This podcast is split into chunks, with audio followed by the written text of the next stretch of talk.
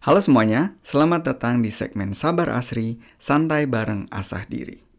Di kesempatan kali ini gue ngobrol bareng Anugrah Ramadan, panggilannya Rama.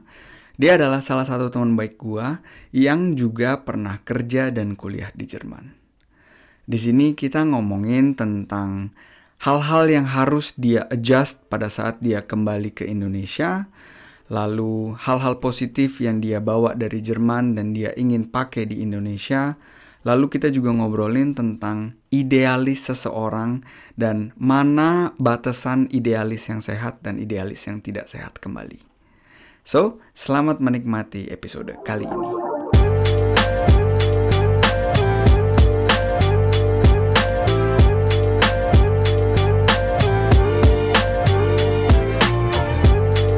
Yeah, halo brother Rama. Hai hai, selamat datang di podcast Asa Diri. Hai, halo, welcome. Aku welcome. udah udah biasa, udah biasa podcast juga sekarang ya. Enggak sih, belum sih, but uh, masih banyak harus latihan lah. Harus Yeah. latihan. Mestinya gue harus belajar dong dari podcaster uh, Mas Bayu nih satu ini. Iya, podcast Mas Bayu. gue sampai merinding dengernya. Gue gue mestinya harus manggil lu apa dong? Eh, Bayu aja sih jangan pakai Mas lah. Umur-umur beda-beda tipis doang. Kan biasanya pendengar mendengarnya Mas gitu. Gue gua harusnya Bayu aja. Gitu. Bayu, it's okay. Yaudah, okay, oke Bayu, oke Bayu. Sip, sip, sip. Yes bro, Em, untuk memberikan konteks kepada pendengar kita ya, eh, mungkin lu bisa memperkenalkan diri sedikit eh, tentang lu sekarang posisi lagi ada di mana, apa yang lu lagi kerjain sekarang. Maybe we can start over there. Oke, eh, hai guys, eh, nama gua Rama. Eh, nama fullnya sih sebenarnya Anugrah Ramadan, cuman eh, guru gua dulu nggak suka kalau gua manggilnya Rama karena it's like Hindish God gitu kan. Itu guru agama gua, so she told me to say Ramadan gitu. Cuman kan emang orang Indonesia pada umumnya lebih senangnya menek-menekkan sesuatu gitu kan. Dan gue juga maksudnya udah terbiasa kayak manggil, yo Ram, Rama gitu kan. Jadi ya udah Rama aja. But I, I think it's cool name, you know. Uh, all both names are cool, I think. So ya udah panggilannya Rama. Uh, gue sekarang uh, wahrscheinlich lagi di Indonesia di Jakarta. Well, not Jakarta technically, but I like to tell myself that I'm a Jakartan. To be honest, gue di Bintaro, which is Tangerang Selatan. But let's say for the sake of uh, simplicity, gue di Jakarta gitu ya. So, um, dari situ uh, gue sekarang sebenarnya lagi nyari kerjaan, cuma because gue juga ditolak-tolak terus kerjaannya semenjak pandemi kan. So, I said fuck it. So, let's let me make my own, you know, lapangan kerja. So, I'm opening like a design studio, more kind of like design studio but slash, you know, production house as well because I, uh, you know, produce photos, videos, and also designs uh, most of the time gitu. And I handle, um, you know, uh, social media assets as well. So ya banyak yang gue kerjain. Uh, gue juga bikin podcast juga, uh, create my own YouTube videos as well. Kalau misalkan dibilang, uh, am I busy? Very. Uh, apakah menghasilkan? Belum. I'll say belum. But I know my path, and hopefully what I'm doing right now will, you know, will prosper and and in the long term, like, yeah, apakah ya, ya, mostly gitu sih.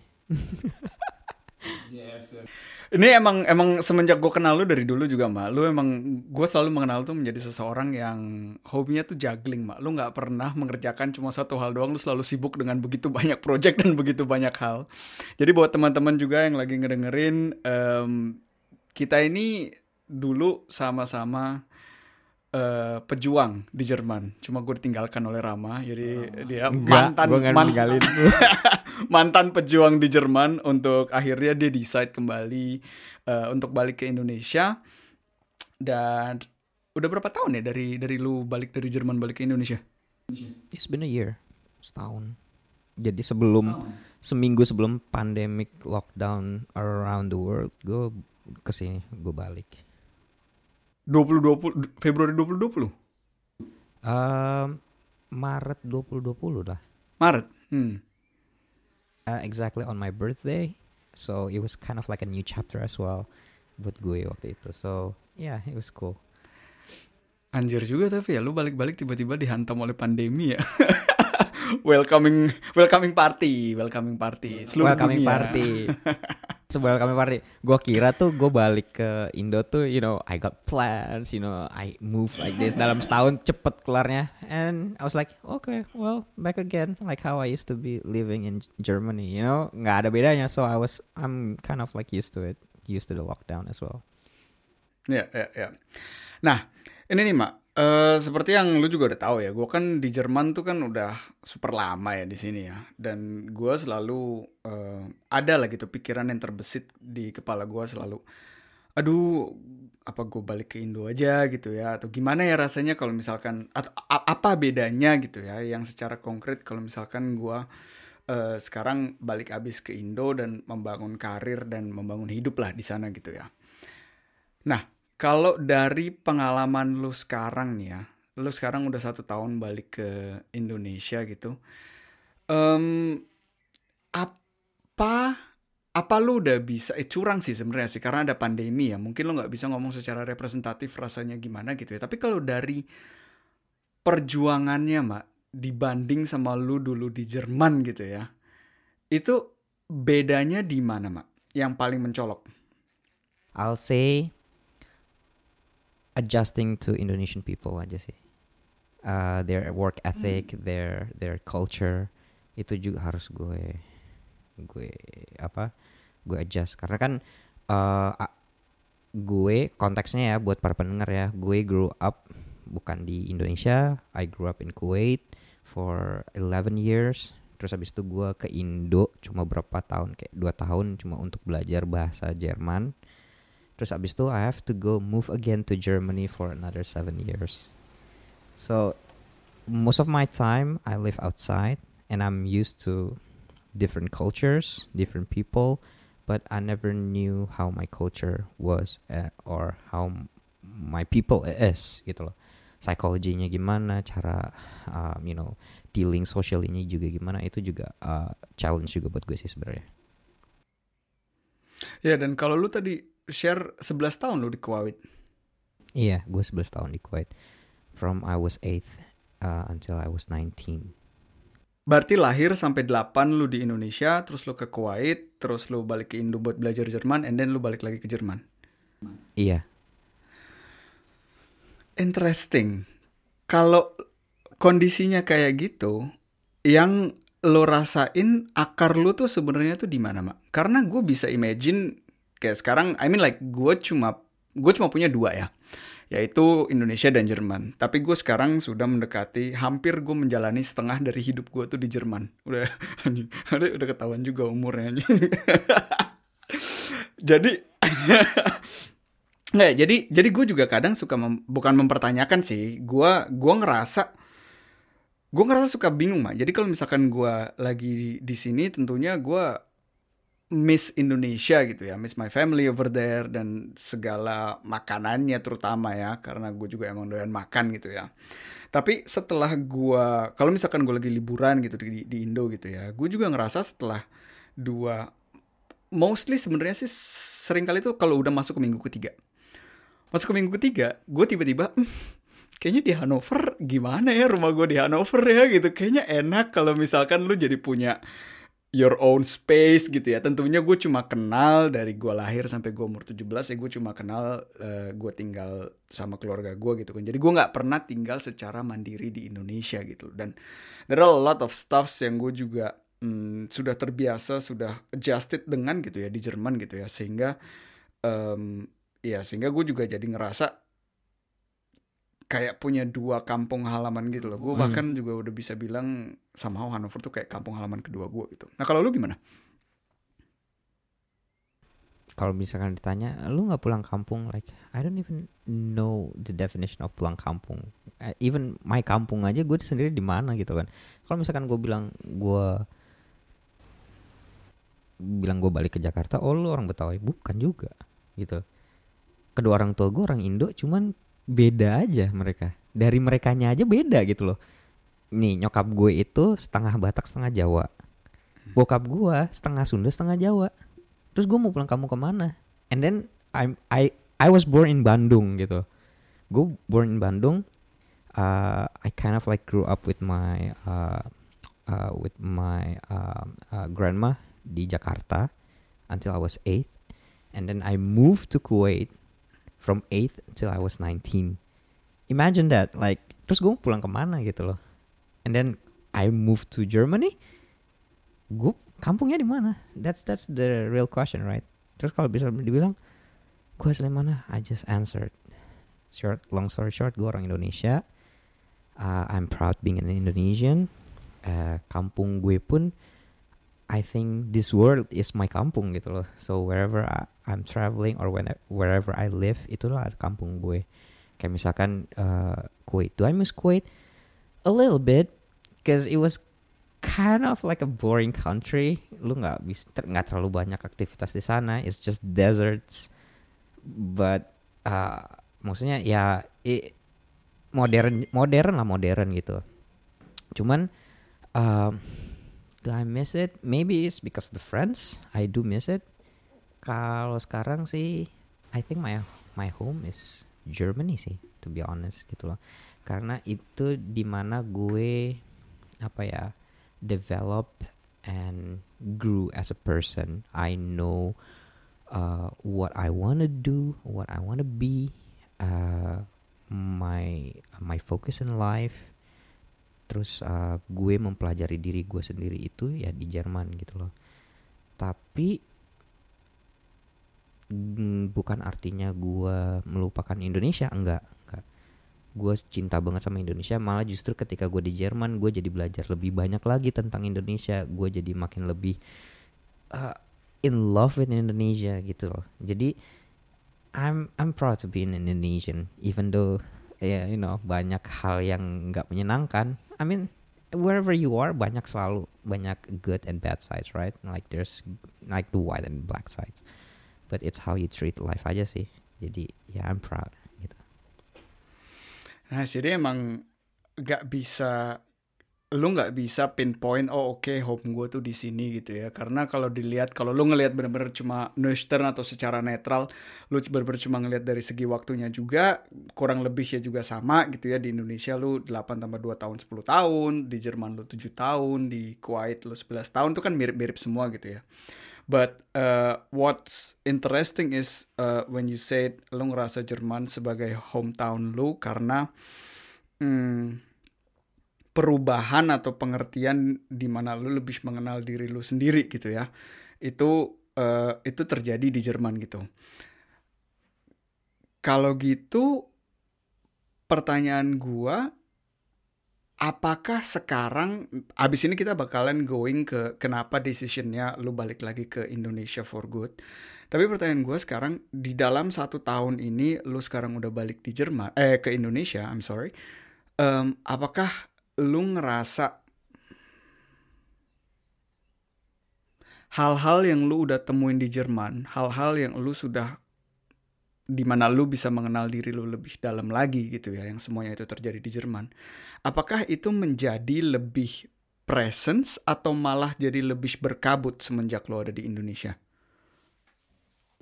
Lebih presence lah. Um, ya in in what sense dulu? Seperti apa? Kayak give me beispiel beispiel. Hmm contohnya adalah di mana mungkin kita kita balik lagi gimana kalau lu yang bikin Beispiel apa yang lu sebut menjadi sebuah momen di mana lu mengenal diri lu sendiri di saat lu lagi di Jerman? Oke, okay. ketika gue lagi di Jerman, gue tahu apa yang harus gue lakuin. Kayak uh, I know how to manage my time, I know how to be upfront gitu loh. Maksudnya kayak what I say is actually what I mean gitu loh. I nggak ada kayak hmm oh, yes yes no no. Nggak ada in between. Nggak ada juga apa kayak maksud lain dari apa yang gue katakan. Gitu sih. But then as I came to back came back to Indonesia ternyata people are shit here not not in bad way, tapi kayak nggak efisien aja. I don't find Indonesian way of culture or or even dealing itu efficient. Is it polite? Yes, polite, very polite. But is it efficient? No, I don't think it's efficient enough. Karena uh, seperti yang uh, gue sama Bayu dulu sempat diskusikan bahwa kayak dan Bayu pun mungkin juga merasa hal yang sama ya bahwa um, dengan mengatasnamakan untuk tidak menyakiti hati itu mereka mau untuk berbohong atau tidak mengatakan yang sebenarnya apa yang dimaksud gitu loh. Jadi itu sangat tidak efisien. Jadi ketika lu ngomong sesuatu ke orang yang langsung gitu yang oh iya iya iya. But then like you heard from others, uh, mereka cerita tentang lu nggak kayak gitu kok. Oh what? Oke. Okay.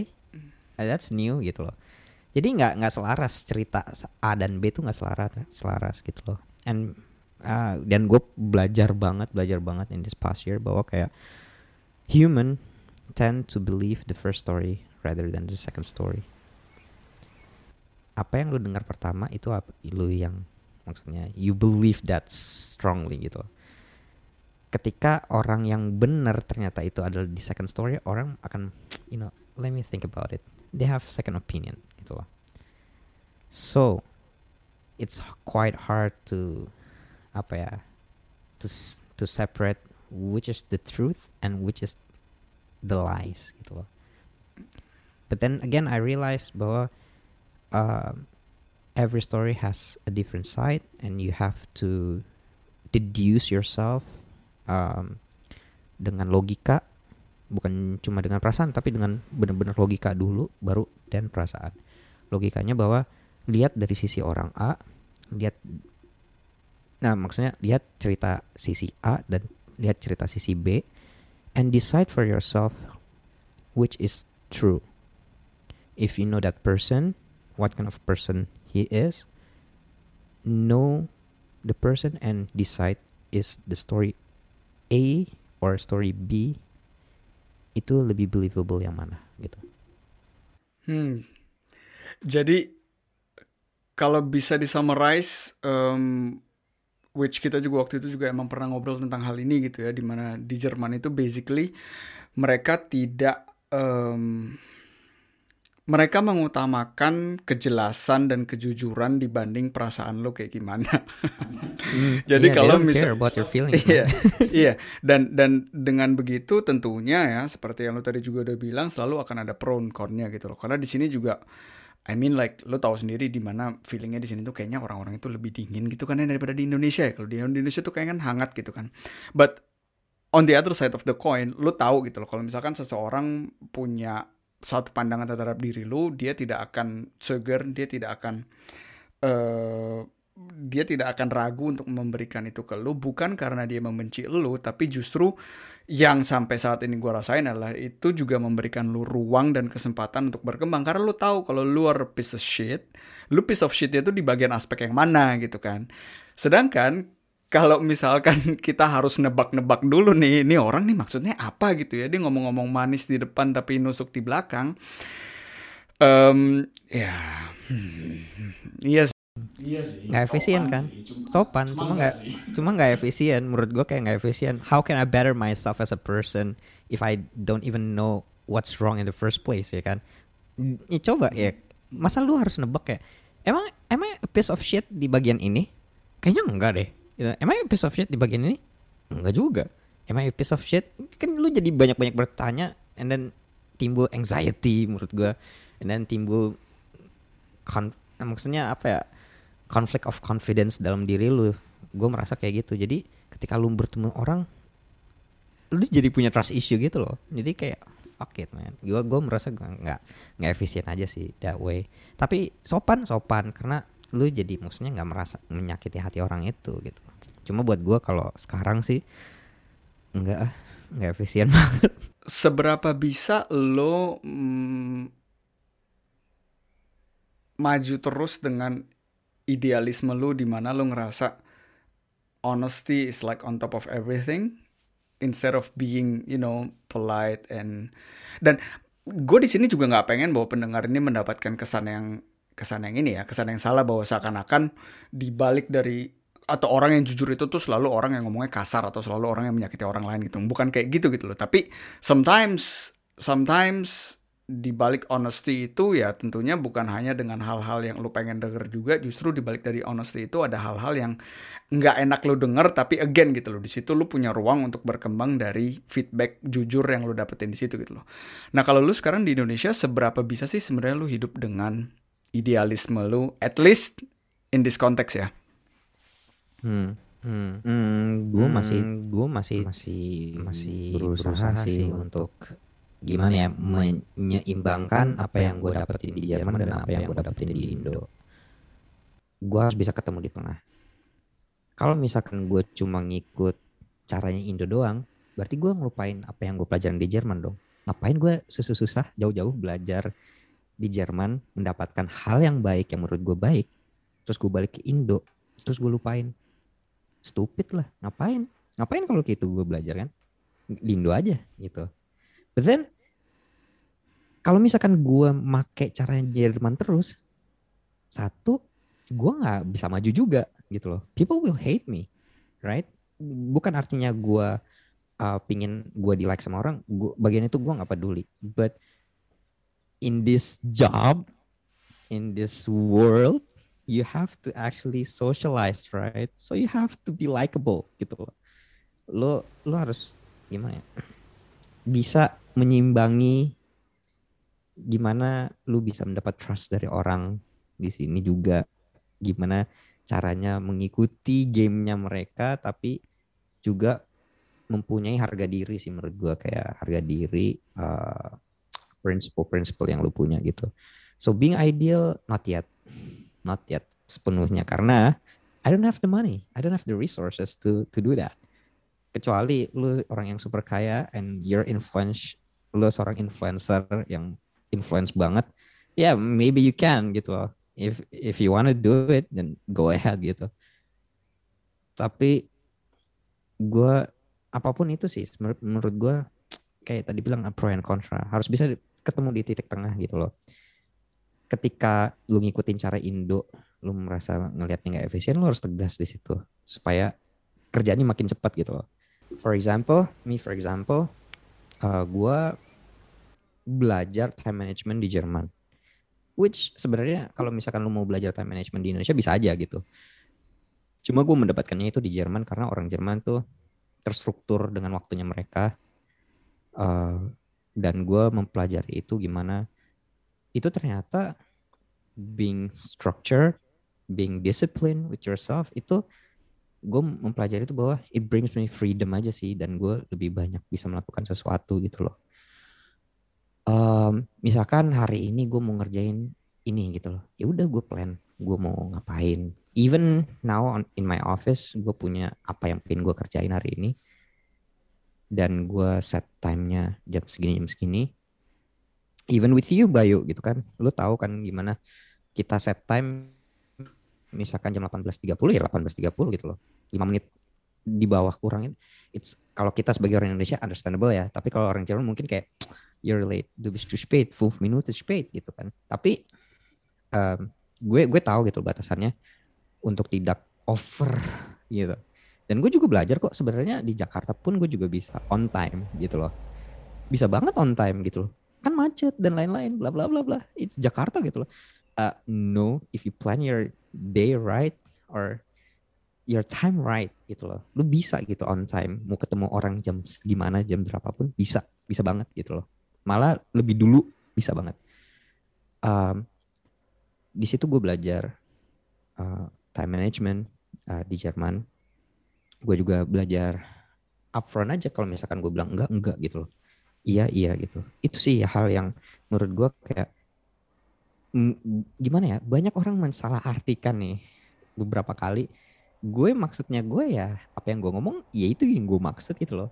Cuman mungkin menurut orang kayak ih kayaknya Rama nih punya maksud tersembunyi maksud tersendiri. Like what? No gitu loh. Like really no gitu loh. Misalkan if I'm asking my date to come over to my house to cook just to cook nothing else.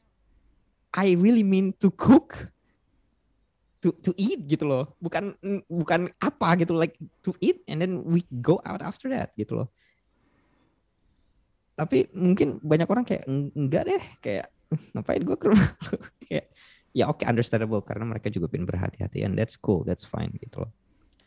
Di situ banyak yang nggak ngerti gitu loh. Ataupun misalkan gue uh, kerja sama teman gue gue belak belakan gitu kan. Kayak maksud gue ini gitu loh. Uh, tapi uh, misalkan teman kan kerja gue tuh lebih orang yang take back hari ini nggak diomongin tapi ngomongin besok atau lusa gitu loh. Tapi kan itu time gitu. One one day sama two days itu time gitu. It's wasting time. Ya oke okay, making decision itu penting untuk taking your time. Yes I get it gitu loh. But throwing your opinion itu penting untuk at that moment gitu loh. Kadang kadang iya kadang iya you have to hold back supaya nggak terjadi argumentasi yang meluap-meluap ataupun pertengkaran. Iya.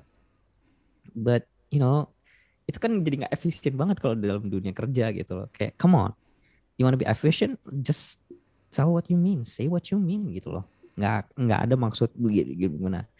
But then again because of that I learned di Indonesia itu you have to have strategy gitu loh. Lu harus punya strategi untuk berbicara sama orang lain gitu loh. Uh, strategi berbicara yang baik dan me, yang baik dan benar, strategi untuk kayak memposisikan diri lu tuh sebenarnya di mana dalam argumentasi ini ataupun lingkup kerja ini lu harus punya strategi ngomongnya itu. So I I I understand and realize bahwa kayak this is a whole another game gitu loh. Another game yang di mana oh so this is the world of professionals gitu loh.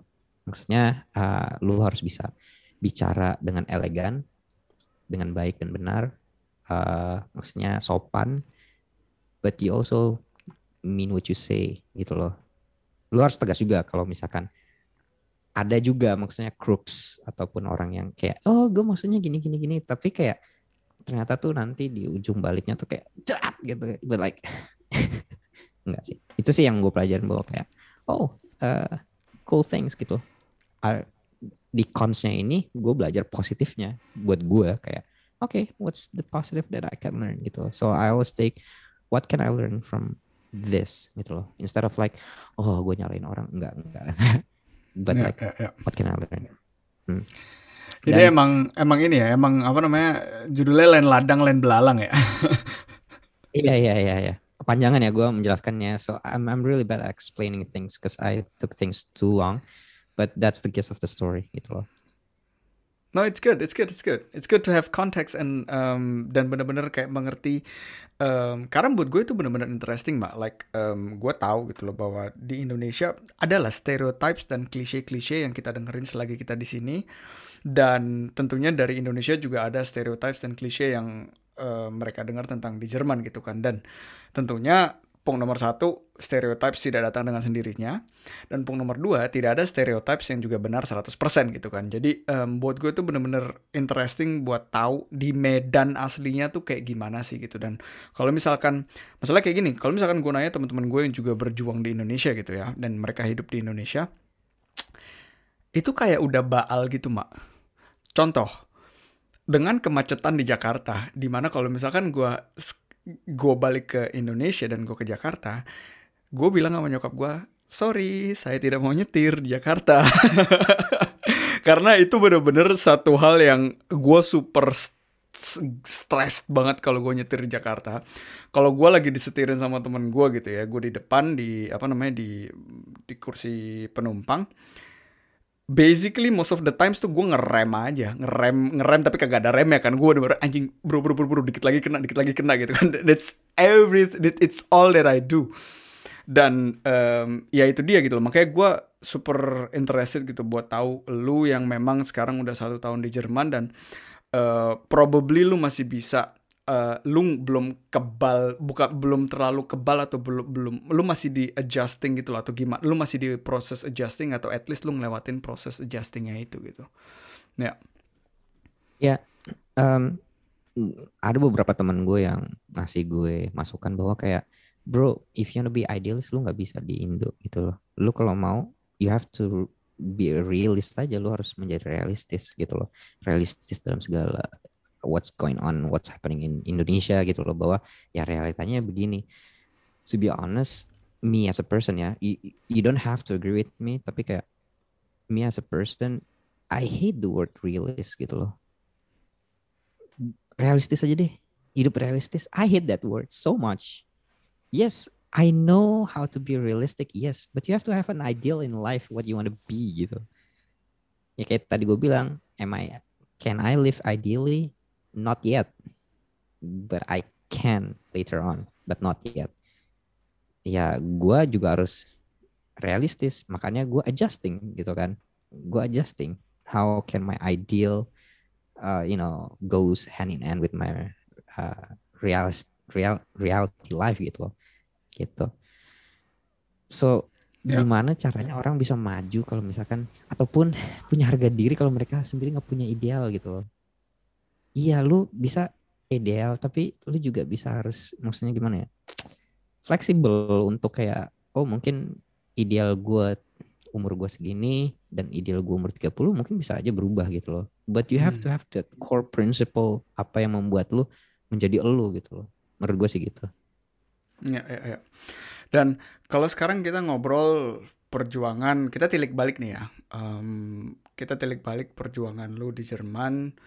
Uh, mungkin lu, mungkin bisa lu juga gitu yang share gitu. Lu 7 tahun uh, atau sekarang 8 tahun yang lalu gitu ya pada saat lo ke Jerman itu ah senyumnya bro. Senyummu. Tidak ada yang lewat dari pandanganku teman um, gimana perjuangan lo itu pada pada saat awalnya itu uh, di Jerman lo um, kalau misalkan kita ngomong dari awalnya aja dari tentang tentang lo kuliah apa gitu ya. Dan um, gua I wanna say it like on record dan sebelum lo sebelum kita masuk ke tema ini gitu ya, gua pribadi, gua adalah pribadi yang um, gua kagum ke lu sebagai seorang individual yang um, yang berani mengambil keputusan yang abis ini lu juga bisa share sendiri uh, melalui cerita lu mengambil keputusan yang lu ambil di dalam hidup lu dan itu menurut gua probably di mata orang-orang yang tidak ada di samping lo secara nyata, secara badan gitu ya, dan orang-orang yang juga tidak pernah jalan menjalani jalan yang lu waktu itu jalani di sini di Jerman, probably di mata mereka tuh semuanya tuh kelihatannya negatif dan kalau gua ngelihatnya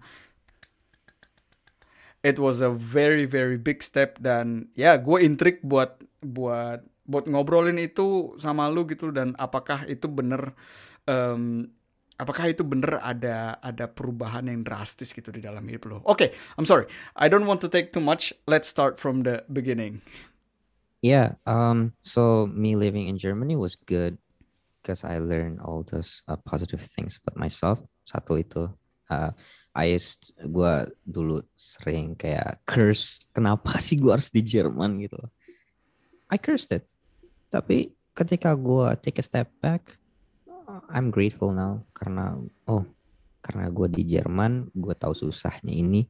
Gue jadi punya the feelings of empathy towards other people. E, even empathy towards myself bahwa kayak oh ternyata gue bisa ya melewati itu ya. I'm I'm I'm strong enough gitu um, it wasn't it wasn't uh, walk in the park ya sebenarnya. Uh, hidup di Jerman uh, kuliah kerja finding money to to to survive. And then social socializing itu juga banyak banget hal yang harus lu pikirin gitu kan.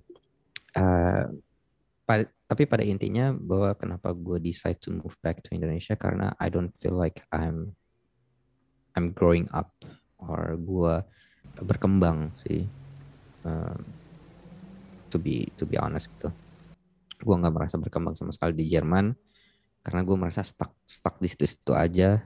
Um, I know I I don't know. At that time I don't I don't I, I question myself every day gitu loh. Kayak what do I want to be? What do I want to do? Gitu loh.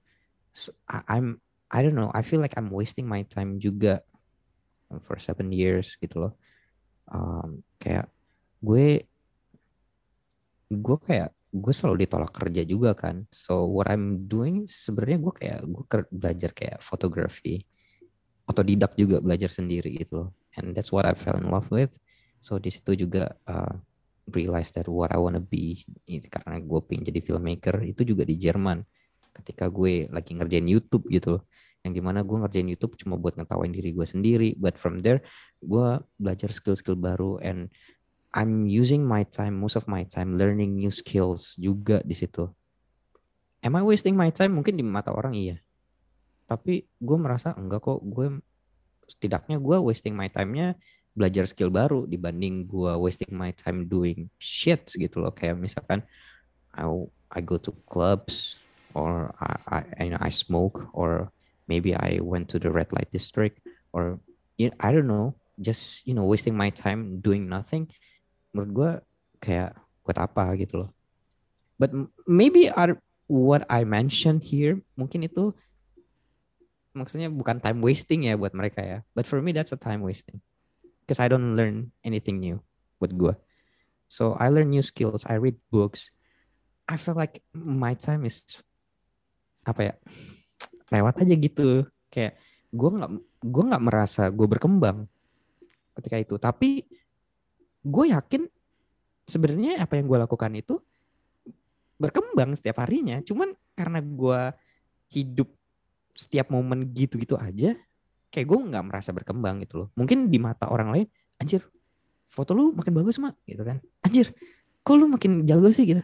Cuma gue merasa kayaknya biasa aja, kayaknya gue gini-gini aja gitu loh. Gue nggak ada eh, kompetisinya atau measuring competitionnya. Gue tuh lagi di mana posisinya gitu loh gue bisa memberikan sebuah hasil tapi gue nggak bisa tahu gue sebenarnya di mana sih gitu loh makanya gue sebenarnya nggak suka menjadi juara satu. Kayak misalkan Goku gitu loh di Dragon Ball. Gue nggak suka jadi Goku. Gue sukanya lebih kayak Vegeta. Vegeta is cooler karena dia selalu di bawah Goku. Karena dia tahu gue harus lebih hebat daripada Goku. Dia harus ngejar Goku gitu loh. Ya, itu Vegeta gitu loh. Apakah dia tambah jago? Ya iya dia tambah kuat gitu loh. Tapi gue tahu measuringnya gue harus kayak gimana gitu loh. Nah makanya community juga penting gitu loh. And I find it very hard juga to uh, bersosialisasi juga ya di Jerman ya karena lu bilang tadi orang Jerman dingin. Gue nggak menyalahkan itu sebenarnya. Sebenarnya bisa aja gitu loh. Cuma buat gue personally itu sulit gitu loh. Dan gue merasa rezeki gue tuh seret di Jerman gitu loh. Karena gue merasa rezeki gue seret ya mungkin di mata orang ya banyak banget orang Indonesia pun juga nanya gitu loh kayak anjing ngapain sih lu balik? Lu padahal banyak banget opportunity yang bisa lu dapat dan lu capai di di Jerman. Dan gue bahkan sebelum gue cabut tuh gue diskusi juga sama teman gue gitu loh. Kayak ngapain balik? gitu loh. Itu banyak itu bertahun-tahun sebenarnya gue memikirkan gue balik apa enggak ya gitu. Bertahun-tahun gitu loh. Cuma gue merasa rezeki gue gue udah melakukan semaksimal mungkin yang gue lakukan. But that door is not even opening for me gitu loh. Gue memaksimalkan apa yang gue lakukan nggak the light at the end of the tunnel tuh nggak ada gitu loh. Gue buka pintu selalu ada tembok. Gue buka pintu tembok pintu tembok pintu tembok. Jadi kayak ada pintu cuma tembok gitu buat gue. Mungkin ada orang lain yang buka pintu dia jalan oh ternyata bukan tembok itu ruangan tapi buat gue gue buka pintu itu tembok. Always like that di Germany. But then like a couple of years before uh, kayak dua tahun gue balik ke Indo. No no. Uh, a year before I moved back kayak 2019 waktu pernikahan adik gue gue balik gue ke Indo. I don't know man. I just feel like dalam tiga bulan itu I move further and more far gitu loh. I move further and faster dibanding gue waktu di Jerman. Gue merasa apa rezeki gue di sini ya gitu loh. But then like I still have those thoughts like you know, but like you know, living in Germany is way better. It's way more calmer. It's not too hectic yang ini kayak di Indo dan gue bisa lebih hidup ber seidealis yang gue pikirkan gitu loh. But then the consequences is I don't feel like I'm growing as a person gitu loh gue tahu gue bisa banyak berkarya bukannya sombong ya tapi kayak ya I work hard but I don't see the result gitu loh kayak lu merasa stuck gitu loh. Ya, makanya di ya, situ ya. gue akhirnya decide you know let me try going back to Indonesia gitu loh now with the pandemic gitu loh wow oh my god gitu cuman gue merasa somehow somehow somehow my feeling is I'm growing as a person. I'm moving much further. Walaupun walaupun belum ada belum ada duitnya gitu loh. Ada duitnya cuma kayak nggak begitu. Kayak wah gitu. But like I I enjoy it. I I I felt gratitude and I'm grateful for even those smallest thing gitu loh am I struggling? Yes I'm struggling gitu. Tapi gue merasa ada kayaknya everyday gue ada progresnya gitu loh. Gue udah capek oh kayaknya gue di sini gue di sini. And I felt progressing day by day dibanding waktu gue di Jerman yang di mana ya kita tadi analoginya gue buka pintu ada tembok gitu. But now I'm opening doors there's a room. And then uh, in that room there's another door which leads to another room. Itu yang gue merasakan di Indonesia gitu loh. So I'm grateful. Ya makanya bisa dibilang kalau misalkan orang Indonesia merasa hmm, lebih baik di luar negeri go ahead try gitu loh. Mungkin aja rezeki lu lebih banyaknya di luar negeri gitu loh. But I feel like rezeki gue ada di Indonesia gitu. It's not in Germany gitu loh. Dan salah satu perubahan masif yang lu ambil di dalam hidup lu adalah um, like all the projects that you're doing right now. Mhm. Lu bekerja menjadi fotografer, lu ada studio, lu bikin podcast. Um, if I may categorize that into one word, that will be creative. Right? Hmm. in the sense semuanya membutuhkan kreativitas dan eh, kalau ngelihat kerjaan-kerjaan lo di fotografi dan sering kali kalau dulu kita juga di sini jalan-jalan, gue selalu bilang gitu, somehow eh, jadi jadi gini nih, kalau gue jalan-jalan sama Rama, bisa tiba-tiba dia diem gitu, terus dia ngeluarin handphone terus asik sendiri gitu. Terus gue bilang, ah ini bocah ngapain sih waktu terutama waktu pertama kali waktu lu main ke gunung nih, ke Klausel nih, kita belum kenal deket sama sekali gitu kan. Dan gue memang udah tinggal di atas gunung ini, pemandangannya emang indah sih. Cuma pemandangan yang indah itu tidak pernah gue melihat dengan dari mata seorang yang mm, artsy maybe, I don't know how to call it, but someone yang bener-bener gini lah. Kalau lu seorang arsitektur, lu akan melihat sebuah bangunan dengan mata yang berbeda sebagai orang yang biasa gitu kan. And then di situ gue di situ gue pertama kali acknowledge gitu, ah, anjing nih ini anak matanya kenapa bisa kayak gini gitu karena di saat lu catching those moments yang gua tidak aware of gitu. Anjing pohonnya tuh ternyata sebagus ini ya gitu. Dan gue bisa aware akan hal itu setelah gue melihat hasil dari jepretan lu gitu kan. Nah di situ gue gue ngerasa ada ini nih ini nggak mungkin dia tidak bergelut di dunia kreatif. Ngerti nggak lo sedangkan pilihan lu atau kerjaan yang tadinya lu lakukan sebelum itu yang lu kuliahin itu tidak ada hubungannya dengan kreatif sama sekali. Iya.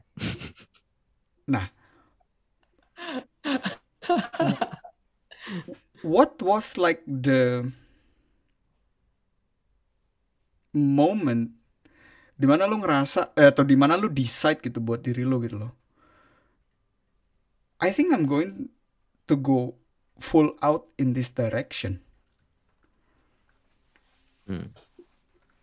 Oke. Jadi SMA itu one of my art teacher told me like I have a talent in art, but I don't see it as a talent because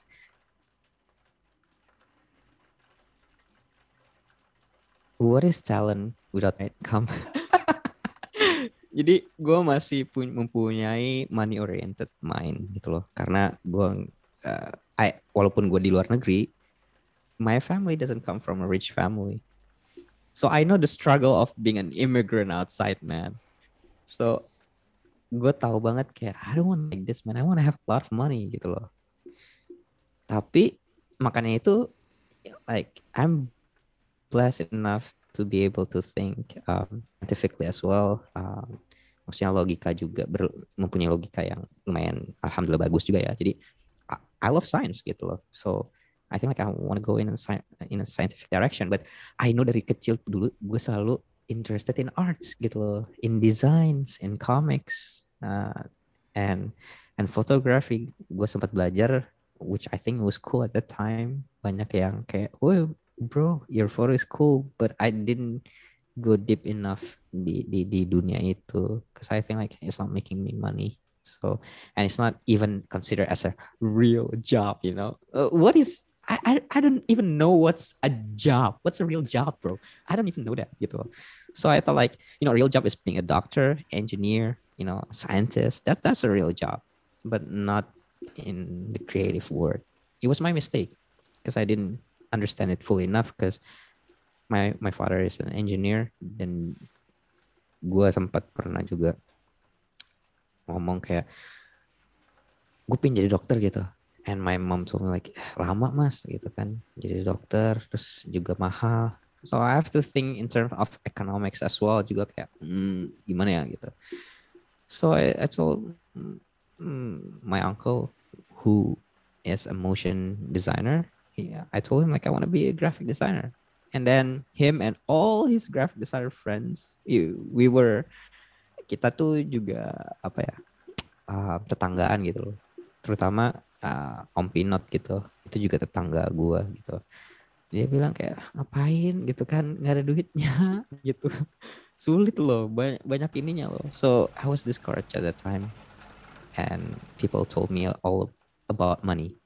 You know money money money. But not about happiness jadi di situ uh, gue nggak tahu gue mau ngapain ya gitu. And then uh, I told my dad like I want to be a film director gitu kan. Karena gue suka film gitu. And he was furious he was furious man. Dia kayak kamu ini kemarin dokter sekarang pengen jadi film director? Kayak apaan sih? Yang benar yang benar yang benar gitu. So I I was lost I was lost gitu. Banget lost banget gitu. So I was like you know what can I do yeah, I I can only do good well enough in chemistry so I become a chemist.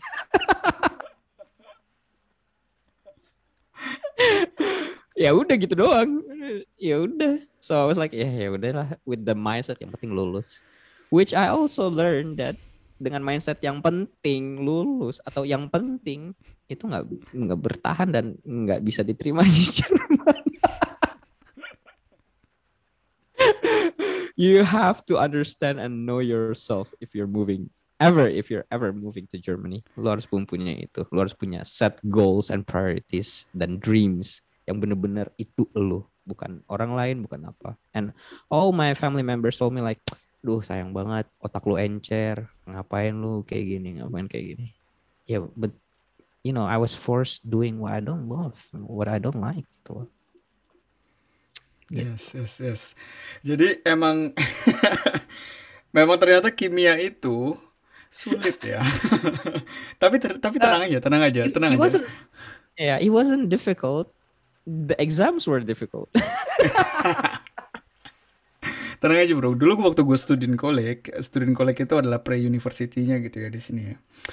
Dulu gue juga gue uh, gue dapat nilai itu 1,3 1,3 itu adalah nilai yang sangat bagus kan? Nah, bagus jadi uh -uh, jadi datanglah gue ke ke teman gue nih ke teman gue yang udah lama banget gitu kan di di Jerman gitu kan. Terus gue nanya gitu kenapa sih orang-orang Indonesia kuliahnya lama-lama gitu kan? Ini kok gampang gitu? Gampang gitu ternyata 8 tahun kemudian saya minta maaf sama orang itu. Maafkan saya ya, karena saya saya dulu masih jagung muda. Saya masih kurang sadar dengan arti kehidupan. Maafkan saya. Yes yes yeah, yes. uh, uh, guilty as well guilty as well. Especially yang dengan podcaster yang pernah lu pot apa uh, interview uh, Hussein, yeah, I told him to him as well, like, yo, bro, I'm gonna pass in three years, you know, rechtzeitig, you know, I'm gonna be this, this. And he told me like, okay, semangat. Oke, okay, semangat. Oh, sama. Dia juga ngomong gitu ya. Oke, okay, semangat.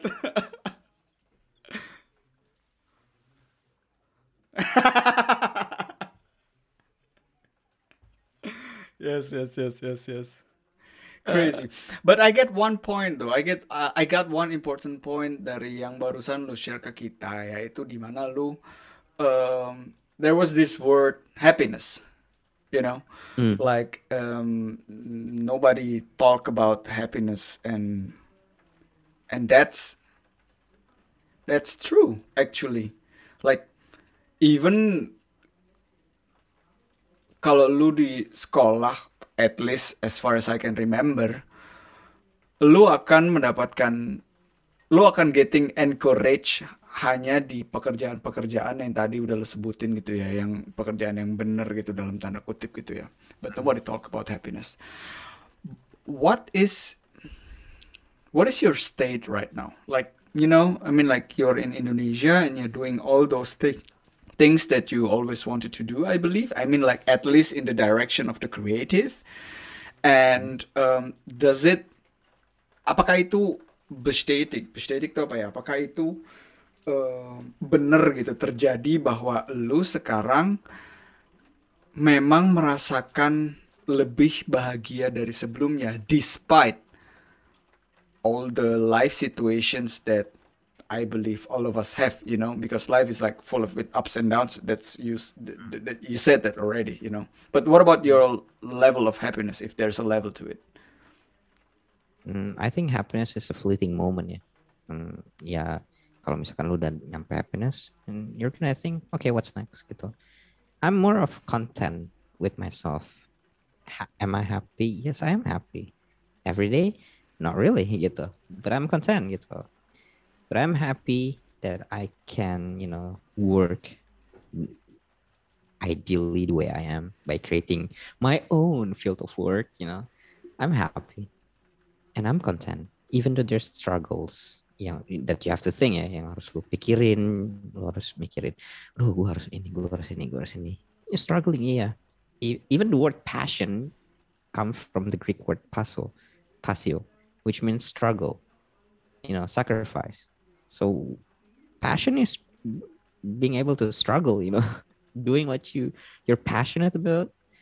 And you know love enough you have to struggle gitu so i'm i i in that sense i'm doing what i'm passionate about am i doing it 100%ly not really. If i want to do 100%ly i have to be like you know a filmmaker.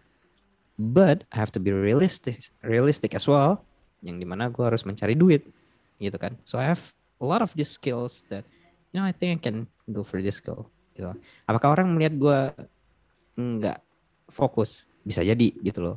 Karena gue terkadang merasa kayaknya gue kurang fokus deh. Tapi I, I'm happy doing the things that I'm doing like designing photography you know. Mungkin orang ngeliat itu hobi.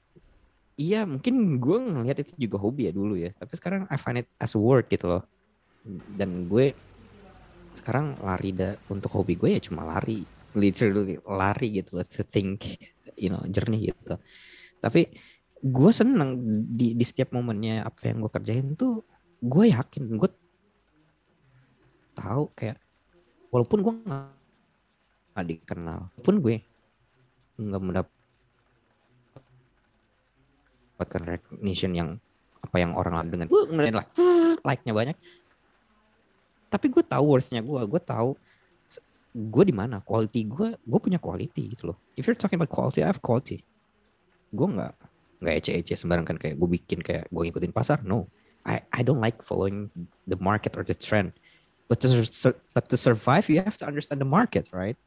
Jadi gue juga lagi ngebalance gimana gue ideally tapi juga harus bisa ngimbangin pasarnya marketnya. But gue lebih suka sebagai trendsetter sih kayak tren yang belum di follow orang gue udah melakukan itu. So when people you know bandwagon on that trend I'm like okay I'm done with that trend. I'm, I'm already over. Tapi itu salah juga karena kayak gue udah mencari sesuatu yang lebih baru lagi dibanding orang lain gitu loh. Yang di mana sebenarnya lu bisa mencari duit.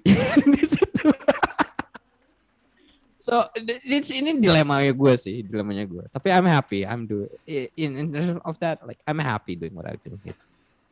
Dan bahkan di situ juga there's always room to grow, right? I mean, like um, Yeah. be, do, doing doing stuff that we love. mm, kayak gue juga decide untuk keluar dari dunia insinyur dan menjalani apa yang gue jalani sekarang. Mm, I mean, of course, we get to do more that we love, and we are moving in the better direction menurut definisi kita sendiri, ya. Hmm.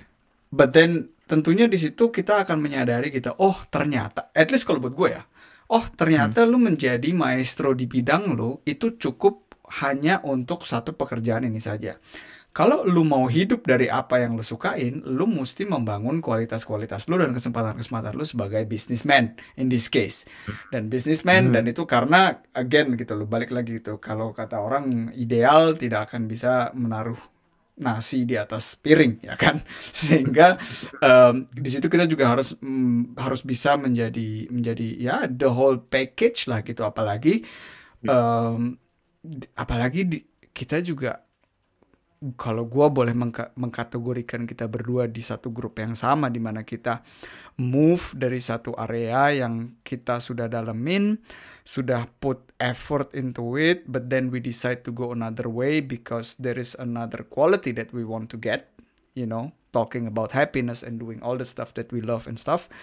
Um, there's yeah, th- there's there's this uh, this this possibility to become the whole package. At least I see it like that. Tentunya, Mak, gue juga pretty sure sih, tidak akan pernah ada pekerjaan yang 100% gitu. Wah, ini setiap hari haha penuh dengan bunga-bunga. Saya bahagia, tidak ada masalah. Sepertinya tidak ada sih, Mak, kalau kayak gitu gitu. But again gitu loh. Untuk untuk nutup circle yang tadi gue bilang kenapa gue kenapa gue salut dengan lu dan gue ngerasa itu adalah big big step gitu ya. Because in my opinion, in my humble opinion, itu adalah satu momen di mana lu berdiri untuk diri lu sendiri, di mana lu stand up for yourself, di mana lu em, kayak lu tahu bakalan datang dari kiri kanan omongan-omongan gitu kan ya, but you still decided, you know what, this is what I wanna do and this is what I'm going to pursue from now on, dan still you are you are open enough for the possibilities in the future you know? Jadi nggak tetap nggak kaku gitu. You become in my opinion you are very flexible. Ngerti nggak lo? Jadi benar-benar this balance between doing what you want to do but then also flexible for you know opening opportunities that are there in the future and right now already you know? Ya ya ah. Yeah, bro. I mean, it, it's hard, but I'm happy in a sense. Yeah. Then you know, even in, even opening up this uh this studio for myself, cause I hate it, cause I I've gue gue cari-cari kerja terus, uh, satu nggak cocok, and then pernah nggak cocok, but then di nggak cocok itu apa yang gue pelajarin yang harus gue ambil kan. And then yang keduanya gue mencari-cari-cari terus for a better offer juga, a better position juga. Nggak nggak dapat juga gitu loh. Sulit banget. Gue ditolak-tolak terus. And even like today, today I got an email. Like I, I'm applying for an internship because I think like uh you know I think I need this skill to to build my business. You know to to yeah you know. I got rejected, man. But I said like I don't care karena gue udah sering di reject gitu loh. So gue jadi kayak udah terbiasa, udah kebal kayak ya udah yes it's just another rejection dan gue jadi kayak apa sih yang harus takutin gitu loh. So kenapa mungkin ini jahatnya gue, but I don't think this is revenge juga. Gue cuma pengen ngebuktiin ke diri gue bahwa gue bisa kayak maybe hopefully in the future when I'm someone, when I'm big enough, when I'm being recognized by people, they're gonna come back to me and I'm just gonna say, Thank God I didn't work for you. I didn't work for you. I didn't work for you. Now I have my own job gitu loh. Dan gue bener-bener pakai kata-katanya Bob Sadino. Bob Sadino pernah, gue baca, dia pernah bilang bahwa lu kalau baik banget kalau misalkan lu kerja kerja. Lu mencari kerja terus dan ditolak terus itu baik. Karena lu jadi bisa ngebuat sebuah lapangan pekerjaan untuk diri lu sendiri dan untuk orang lain. And you can ya gue gue gitu sih. Jadi gue I was like oke okay, fuck you all. Karena udah apa udah ngeremehin gue udah udah apa ya kayak menolak gue it's okay gitu loh. Gue buat ini yang baru nggak apa-apa. I'm gonna learn from you nggak apa-apa. But I'm gonna be happier. Which is scary gitu loh. Karena gue gue ngeluarin duit sewa loh buat studio ini. Dan gue juga kayak oh my god duitnya dari mana ya? Kliennya dari mana ya? And I have to constantly work trying to find clients juga. Itu itu menyeramkan gitu loh. Tapi karena menyeramkan itu because of that fear itu kayak lecutan buat gue untuk work more harder than I was before gitu loh I have to put in more hours and more you know um, apa ya work smarter juga dibanding orang lain gitu loh. Not work harder and work smarter have, have to go hand in hand. If you work hard tapi nggak smart enough, that's stupid. But if you work smart but not hard enough, that's stupid too. So I have to both in balance gitu. Gue gue merasa gitu. So gue lagi in that pursuit of you know hmm. how to balance those gitu. Kalau misalkan gue work hard I don't I don't know what's hard work man. To be honest, gue nggak tahu hard work tuh apa gitu. Gue nggak tahu. Like I spend most of my time like dari gue wake up sampai I sleep. I I sleep since three years ago. I sleep only four hours a day, man. Four hours a day, and that's enough for me. I, I work out in the morning, and then I watch my diet, and then I do the stuff that I'm doing, like you know, editing, taking videos, you know, uh, editing videos, taking photos, you know, designing, you know, meeting with people, you know, concepting, and I get home like around one o'clock, twelve o'clock, and then I have to spend another hour before I sleep to see the trend. Terus abis itu gue juga harus ngelihat kayak pasar tuh geraknya gimana ya, uh, kompetitor lagi gimana ya. Itu karena gue ngerjain semua sendiri. And from there I I learned that kalau you wanna go further, lu nggak bisa kerja sendiri juga. Lu harus bisa bekerja sama dengan orang lain. Makanya tadi circle-nya itu adalah you have to balance. You have to balance your ideal and realist. To balance kalau misalkan mau kerja sama orang Indonesia, lu harus bisa kenal mereka. lu nggak bisa harus kayak ya gue di Jerman gini kayak this is how I work in Germany enggak juga gitu loh hmm. tapi hmm. yang pingin gue tekanin bahwa kalau Jerman aja punya time management working 9 to 5 every day and they still can have leisure time dan mereka kenapa mereka bisa lebih maju dibanding orang-orang yang Indonesia? Yang gue merasa dan gue melihat karena gue udah terjadi sendiri man they work more than 10 hours man. Sometimes satu hari mereka nggak pulang gitu loh begadang gitu loh. Tapi kenapa nggak maju-maju? Berarti kan ada sesuatu yang salah. Berarti kerjanya kurang efisien. Berarti orang-orangnya sendiri bisa dibilang kurang efisien gitu loh. Apa yang kita bisa berikan gitu loh? I don't know gitu. That's for them to to apa ya dan itu pekerjaannya HR lah mestinya gitu loh tapi kalau gue sendiri gue punya formulanya so apparently waktu bukan cuma satu satu-satunya parameter gitu ya yang bisa membuat sebuah negara lebih maju ya.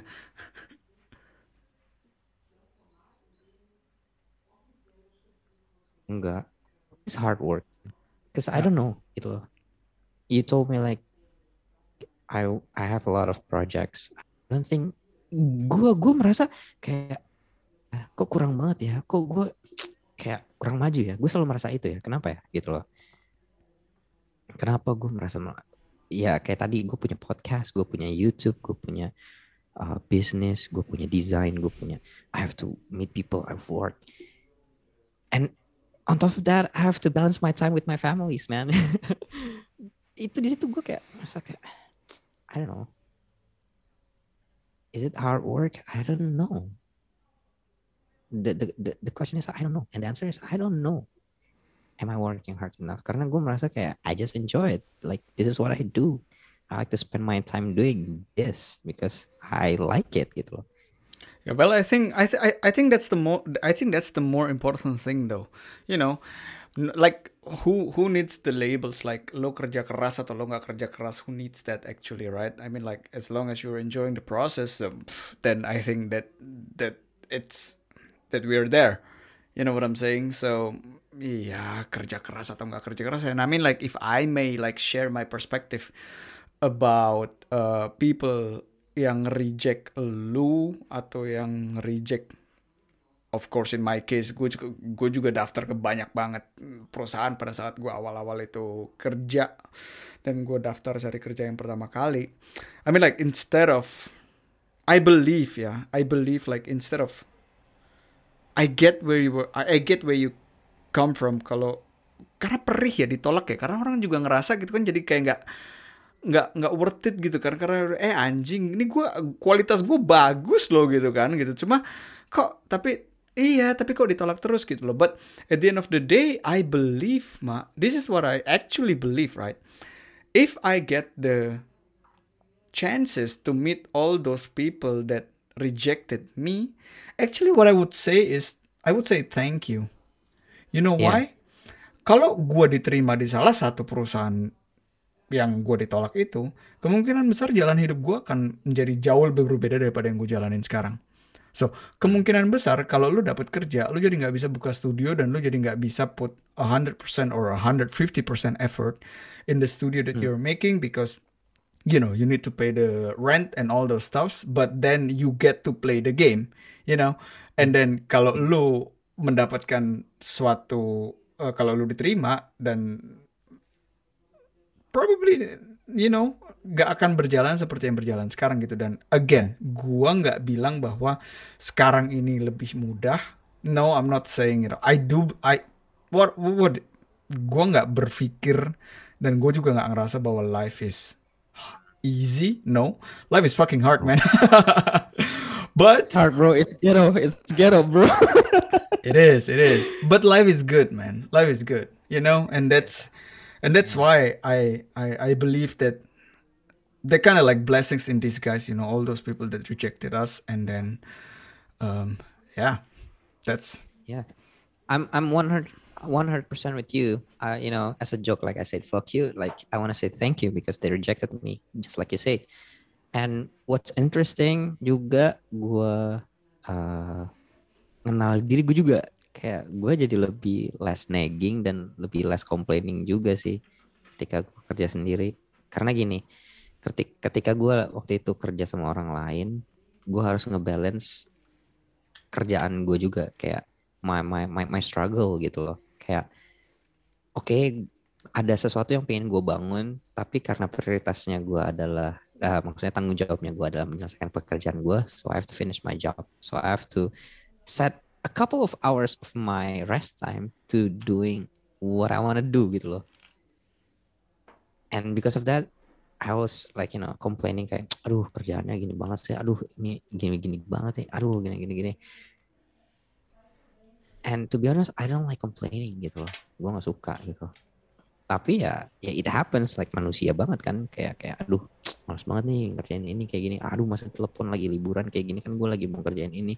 Aduh gini gini kayak ya ada bahan omongan sih juga sih ke orang. Cuman kayak buat apa gitu kayak nggak membangun juga gitu complaining so now gua komplainnya kayak aduh gimana ya cara dari cara dapat klien ya gitu so it- itu beda kan cara lu complain to grow and then complaining not growing itu beda kan gitu itu sih yang gue realize tos lu dong. Eh. Yeah. Itu itu beda banget beda banget bay. Gue gue merasakan bahwa kayak iya maybe I am I am happier. Iya. Komplain komplain masih ada lah manusia. Tapi kayak perbedaan quality komplainnya tuh beda banget gitu. Beda, bisa ya, lu, ya, ya. lu, lu- oh gue jadi less judgmental juga gue jadi less uh, maksudnya kayak "Wah, bad mood juga karena kerjaan nggak nggak menyenangkan gitu Gitu. apalagi di Indo kan lu udah punya kalender ataupun kayak ngeset time schedule lu kayak gini kayak forget it man. Apalagi kalau lu kerja di perusahaan atau sama orang lain like forget it it's not gonna work gitu. Tapi once I myself gitu gue bisa ya udah set my time. Ya tapi gue harus konsisten dan gue harus apa ya komit dengan itu gitu loh. And I and I listen to Jordan Peterson juga beberapa hari ini kayak compound interest. Dan gue juga kayak literally tadi malam gue belajar tentang uh, investing juga. Dan ngomongin kom tentang compound, compound interest, interest. Uh, si Jordan Peterson bilang if you do one percent at least better than the day before every day one percent kalau misalkan diambil 365 hari lu udah melakukan 365 persen lebih bagus daripada first day. Walaupun hari itu lu merasa kayak just one just one percent at hmm. least just one percent better. So gitu di di situ sekarang gue kayak ya yeah, you know I think I'm gonna do it. At least I'm better than yesterday. At least I learned something. Gitu. Is apakah ada uh, shitty day? Ya ada lah manusia gitu kan. You, you have up and down. But at least 1% or even 0.1% better. That's a compound interest. That, that's what I like to put it. you know? Iya, Jordan Peterson tuh, ayo tuh yang ngedengerin tuh harus cek Jordan Peterson tuh. Harris Frankie juga dia dia juga doyan banget tuh ngomongin Jordan Peterson, dia juga baca bukunya tuh. Cek 12 Rules of Life dan buku yang terbaru uh, apa ya Beyond Beyond Chaos and Order atau apa gitu gue lupa. Pokoknya dia ada dua buku dan gue juga kita berdua juga bisa rekomend buku itu. Alright, Mak. Sebelum kita masuk ke pertanyaan terakhir, Mak ya. Hmm, what do you wanna plug in, Mak? Um, di mana orang-orang bisa uh, connect sama lu, bisa nemuin kerjaan-kerjaan lu, bisa dilihat di mana aja.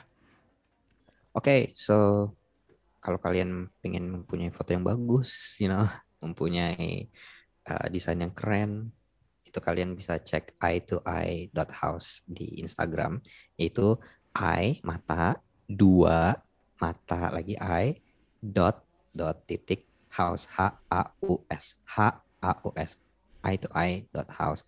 Tapi kalau misalkan lu pengen kenal gue personally, bisa cek di at anragram a n r a g r a m. And if you wanna check my wedding portfolio, you can go to by.anra b y dot a n r a by dot anra gitu.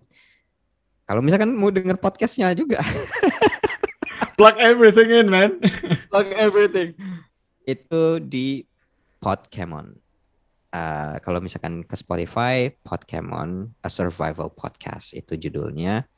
Um, kalian kalau di Instagram itu karena banyak yang pakai itu namanya, jadi tulisannya rada beda. Jadi kayak pod, p o d, k, k e y m o n, Podcamon. Tapi bacanya Podcamon. Itu, itu aja sih. Alright, ntar itu semua bakalan gue tulis nanti di deskripsi, so teman-teman bisa juga langsung lihat ke situ. Oke, okay, Mak, we arrive in the last question. Um, gue pengen tanya mimpi terbesar lu saat ini itu apa, Mak? Mimpi terbesar gue to be a filmmaker, man. Always and always been gitu loh. Kalau misalkan orang bilang kayak kenapa nggak langsung aja terjun kayak that's kayak misalkan Gary V dia punya buying the jets. Like for me to be a filmmaker that's my dream.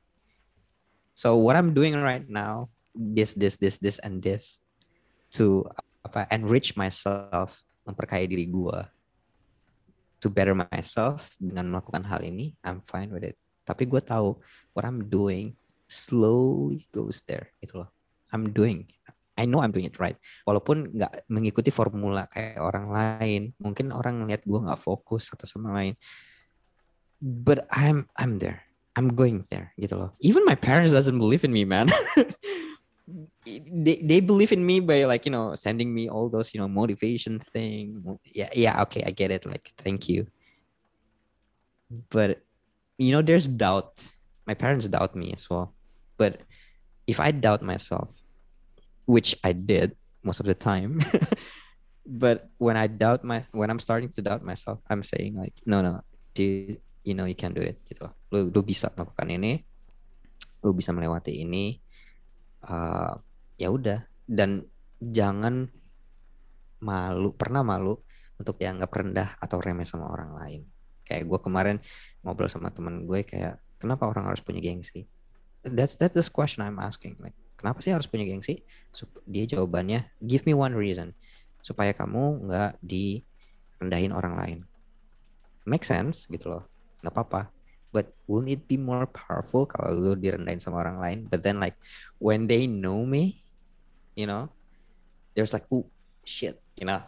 That's that's power move. I like that. I, I like to have that gitu.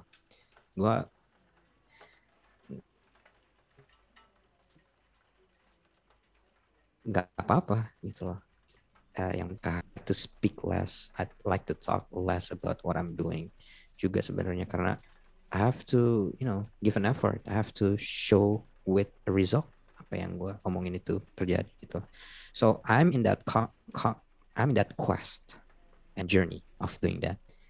But as you know Bayu gitu uh, untuk teman-teman juga ya Bayu tahu gue bahwa kayak if I'm saying iya be iya gitu loh. Tapi apakah itu besok, lusa? Enggak. It, it takes time. Tapi iya gitu. Yang gue kerjain tuh iya. Ask Bayu. What I'm doing right now, I have this. Baik, gue mau lakukan ini, gue mau lakukan ini. Iya. Tapi nggak nggak instan dan nggak cepat juga. But I am doing it slowly. Somehow I am doing what I'm what I'm saying. Gitu loh. So I like to be a man of my word gitu loh. I like to walk the talk juga gitu. Wow, that's nice man. Semoga tentunya kita, gua dan semua yang mendengarkan ini, semoga uh, lu bisa mencapai ke mimpi lu dan yang paling penting lagi adalah lu juga menikmati jalan-jalannya karena satu-satunya yang bisa kita yang bisa kita atur adalah perjalanan itu sendiri dan bukan dari outcome-nya. So it's a friendly reminder buat gue juga. Um, yeah, I mean like Thanks a lot man buat semua, buat story-story lu dan buat semua um, kita bisa dig dive dari pengalaman-pengalaman lu dan juga dari insight-insight yang lu punya. Um, ya, yeah, teman-teman, make sure buat check out kerjaannya Rama and then I'll see you guys in the next episode. Bye-bye. Bye. Thank you for the opportunity guys. Bye. Hey guys, thank you udah ngedengerin episode podcast Asa Diri kali ini. Semoga episode tadi bisa memberikan nilai lebih dan value lebih untuk lo yang ngedengerin. Kalau lo pengen support kita, bisa dengan follow Instagram kita di @asahdiri.ind, subscribe YouTube channel kita di Asah Diri, dan juga bisa taruh review di Apple Podcast. Ingat juga untuk share ke teman-teman kalian dan terus asah diri. Karena berlian tidak bersinar dengan sendirinya. Sampai ketemu di episode selanjutnya.